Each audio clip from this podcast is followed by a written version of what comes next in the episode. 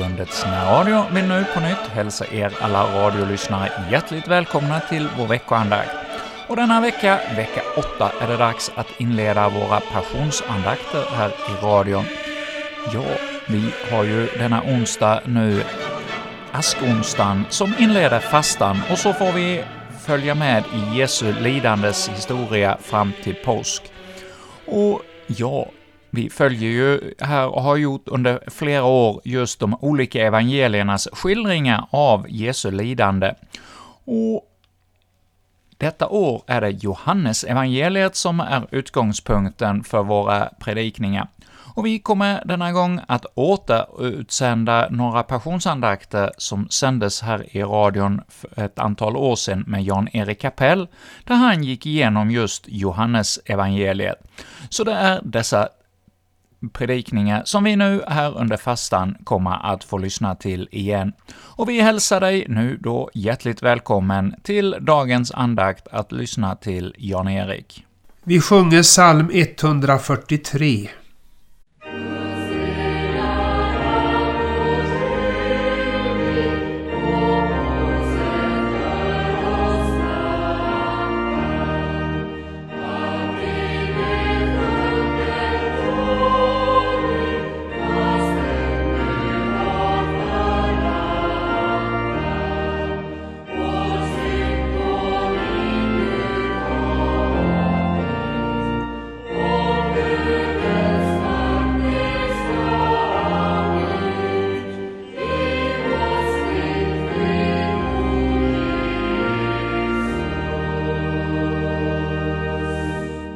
Vi ber. Himmelske Fader, du som inte skonat din egen son, utan för vår skull utgivit honom till döden på korset. Sänd din Ande i våra hjärtan så att vi litar på din nåd och får leva i dig för evigt. Genom samme din Son, Jesus Kristus, vår Herre. Amen. Vi ska i fyra radioandakter vandra tillsammans genom Jesu lidandes historia enligt Johannesevangeliet. I detta program ska vi stanna inför det artonde kapitlets 14 första verser. Orden lyder så i Jesu namn. Jesus gick med sina lärjungar över bäcken Kidron. Där låg en trädgård dit han och hans lärjungar gick. Men Judas, han som skulle förråda honom, kände också till det stället eftersom Jesus ofta hade varit där med sina lärjungar. Judas tog med sig den romerska vakten och ett antal av översteprästernas och fariseernas tjänare och kom dit med facklor, lyktor och vapen. Jesus, som visste om allt som skulle hända honom, gick ut och sade till dem Vem söker ni? Det svarade Jesus från Nasaret. Han sade till dem Jag är. Bland dem stod också Judas, han som förrådde honom. När Jesus sa till dem Jag är, vek de tillbaka och föll till marken. Än en gång frågade han dem Vem söker ni? Det sa Jesus från Nasaret. Jesus svarade, jag sa er att det är jag. Om det alltså är mig ni söker, så låt dessa gå. Det ord som han hade talat skulle nämligen gå i uppfyllelse. Av dem som du har gett mig har jag inte förlorat någon enda. Simon Petrus som hade ett svärd högg, drog det och högg till överste prästens tjänare och högg så av honom högra örat. Tjänaren hette Malkus. Jesus sa till Petrus, stick ditt svärd i skidan. Skulle jag inte dricka den kalk som Fadern har gett mig? Soldaterna med sin befälhavare och judarnas tjänare grep nu Jesus och band honom. De förde honom först till Hannas, svärfar till Kaifas, som var överste präst det året. Det var Kaifas som hade gett judarna det rådet att det var bäst att en man dog i folkets ställe. Herre, vi tackar dig för ditt ord. Skriv det i våra hjärtan. Amen. Stunden har kommit. Se, Människosonen skall utlämnas i syndarnas händer. Stig upp, låt oss gå. Han som förråder mig är här. Ja, så avslutar Markus sin berättelse om Jesus och lärjungarna i Getsemane för aftonen före Jesu död. I texten jag läste nyss ser vi hur dessa Jesu ord besannas. Låt oss därför stanna en stund inför detta ämne Jesus i syndares händer. Först då, det berodde inte på någon vanmakt hos Jesus att han blev överlämnad i syndares händer. När Jesus hade hållit sitt avskedstal till lärjungarna och bett till sin far i himlen för dem så gick han med sina lärjungar över bäcken Kidron. Där på andra sidan låg en trädgård dit Jesus och hans lärjungar gick in. Trädgården var just Getsemane. När stunden där närmade sig sitt slut så kom den romerska vakten och ett antal av översteprästernas och fariseernas tjänare. Och den som visade dem vägen var en som mycket väl kände till det stället, nämligen Judas, en av de tolv, eftersom Jesus ofta hade varit där med sina lärjungar. Varför kom nu alla dessa till Jesus? Var det kanske för att bli hans lärjungar? Nej, långt ifrån.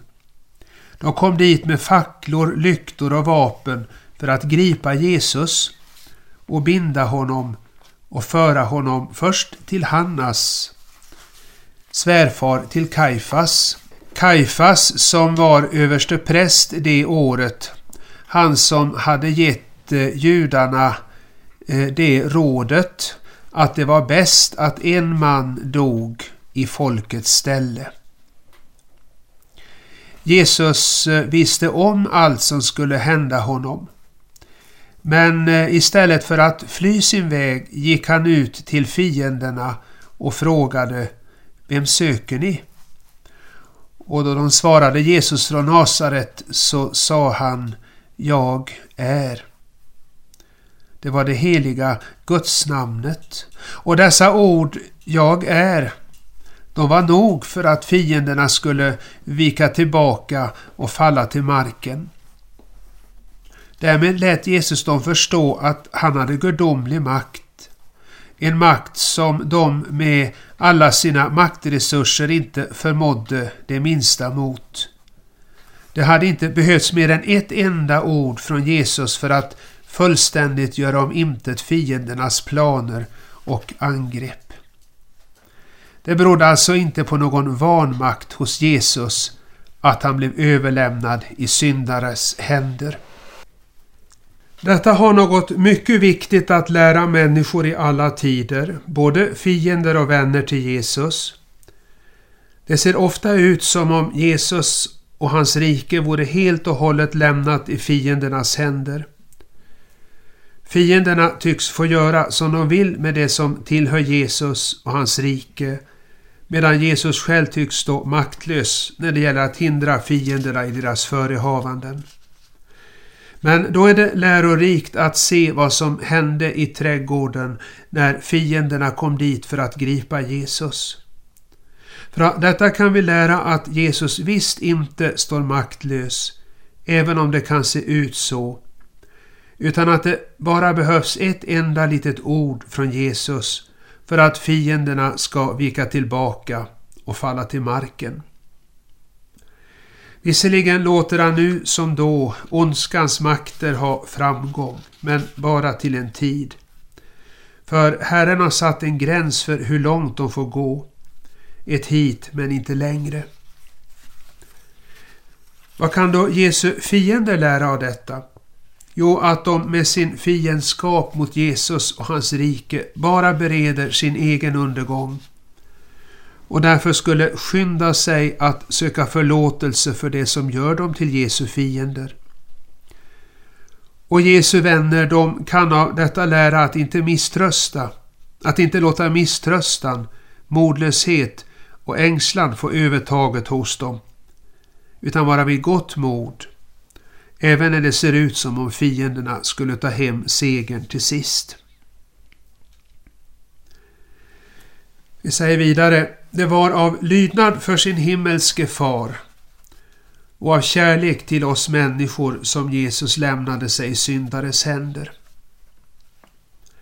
Det framgår så klart av hela Jesu förhållande i hans sista lidande. Jesus visste ju om allt som skulle hända honom. Ändå drog han sig inte undan när soldaterna med sin befälhavare och judarnas tjänare kom till trädgården för att gripa honom. Han rent av gick dem till mötes. Vi läste ju att han gick ut till dem när de kom dit med facklor, lyktor och vapen. Och när de skulle gripa Jesus så heter det att Simon Petrus som hade ett svärd drog det och högg till översteprästens tjänare och högg så av honom högra örat. Tjänaren hette Malkus. Lärjungarna med Petrus i spetsen vill alltså försvara Jesus. Men Jesus vill inte ha någon hjälp av dem. Han behövde det heller inte. Det var istället de som behövde hans hjälp och försvar. Utan det hade de alla varit hopplöst förlorade.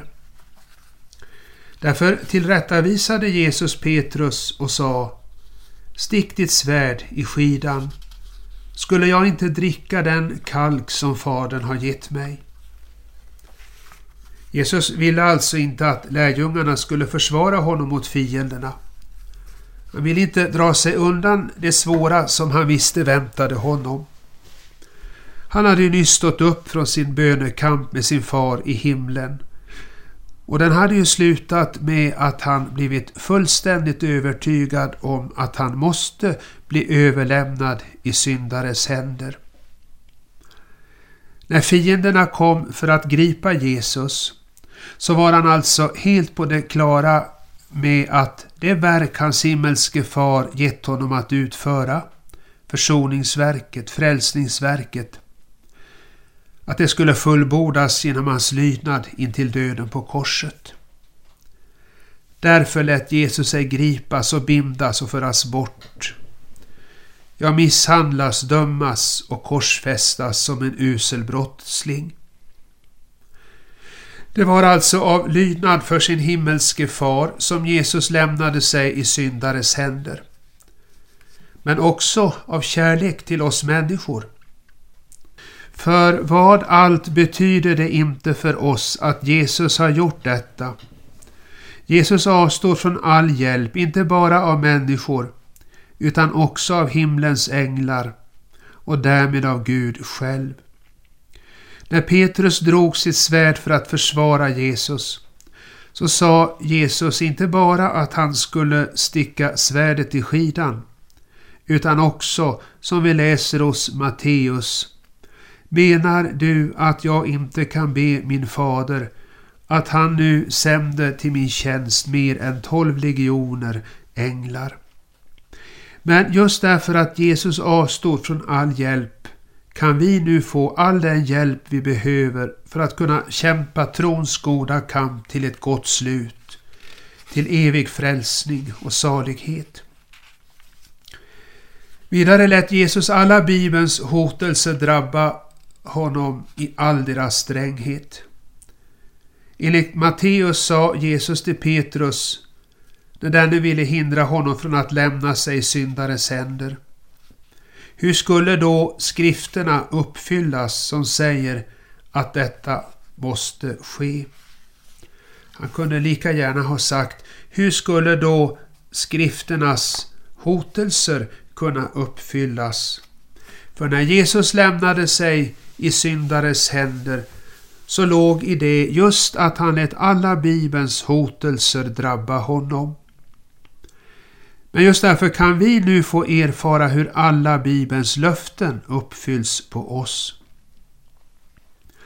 Vidare tömde Jesus till sista droppen den bittra lidandes kalk som hans far i himlen räckt honom. Därför kan vi nu få dricka Guds kärleks kalk eller frälsningens bägare, som den kallas i Bibeln.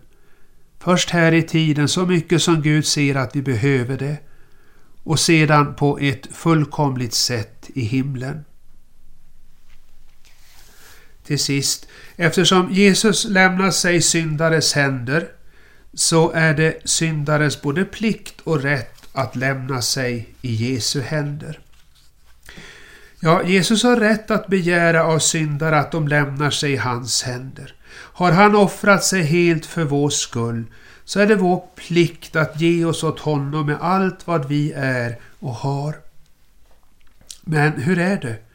Ja, fastän Jesus har utgett sig själv i lidande och död för oss människor så bryr sig de flesta inte om honom. De låter inte hans ord verka den trons kännedom om Gud och hans son som ger evigt liv redan här och nu. Somliga ställer sig likgiltiga till Jesus. Andra visar öppen fiendskap mot honom. Och de flesta måste alltså Jesus klaga. De bevisar mig ont för gott och hat för min kärlek. Men att lämna sig i Jesu händer det är nu inte bara en helig plikt för syndare utan också en stor och härlig förmån. För när syndare lämnar sig i Jesu händer så ska Jesus vaka över dem och bevara dem från det onda så att de inte går förlorade i världen. Det lär oss texten. När fienderna med Judas i spetsen kom för att gripa Jesus så sa han Om det är mig ni söker så låt dessa gå. Och så heter det Det ord som han hade talat skulle nämligen gå i uppfyllelse. Av dem som du har gett mig har jag inte förlorat någon enda. Men Jesus är densamme igår och idag och i evighet. Liksom han då var mån om att ta vara på dem som lämnat sig åt honom, så är han det också nu. Visserligen kan det ofta se ut som om Jesus inte brydde sig om dem som på allvar vill lämna sig i hans händer. Men i det fördolda vakar han över dem så att ingen av dem ska gå förlorad.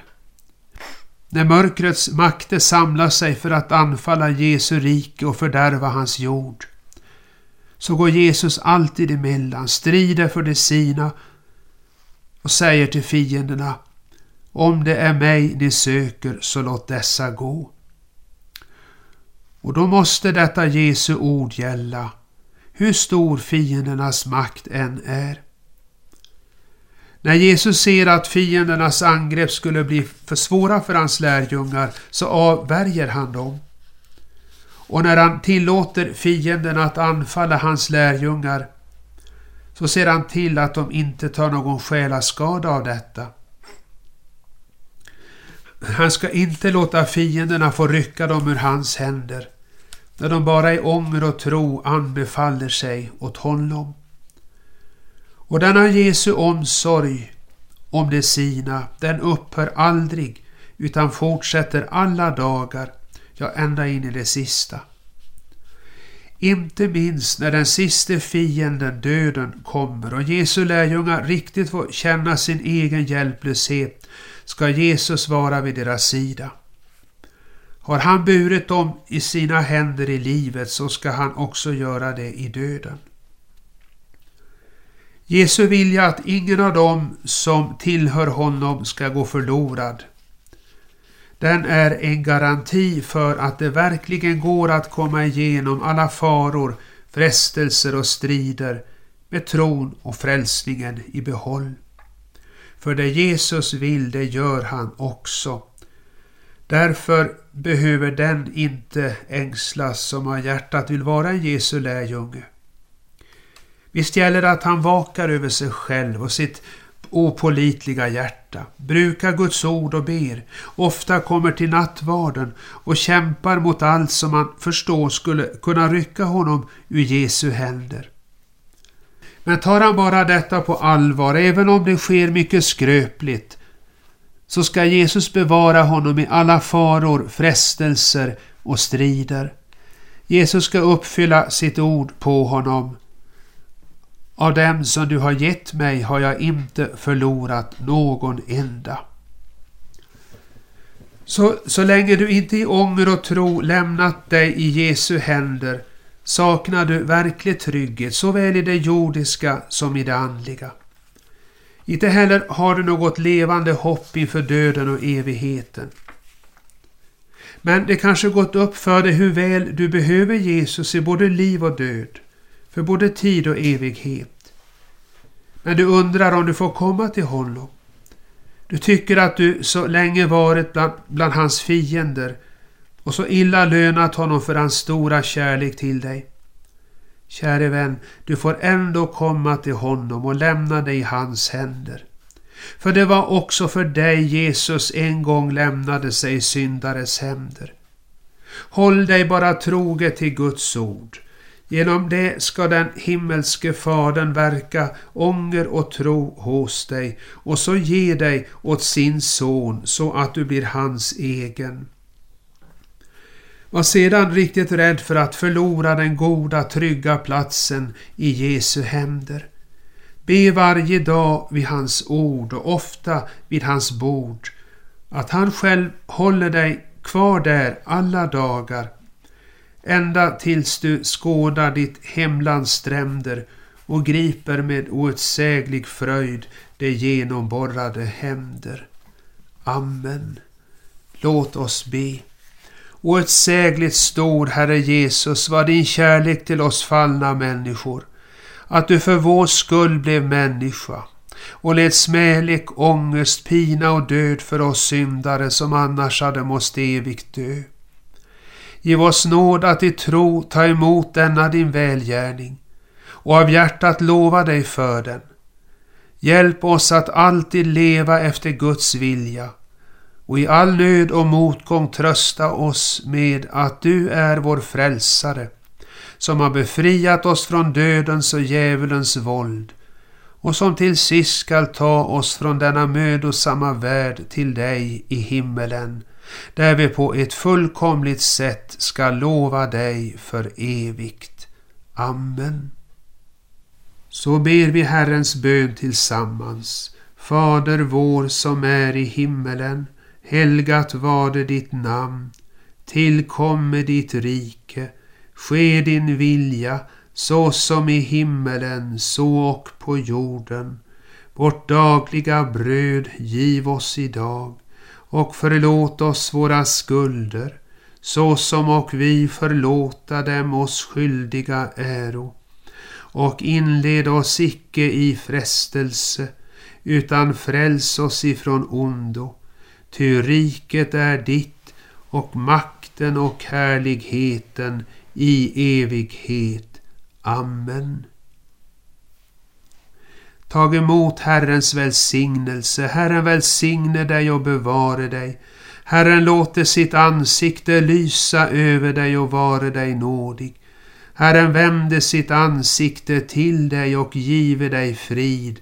I Faderns och Sonens och den helige Andes namn. Amen. Vi sjunger psalm 453.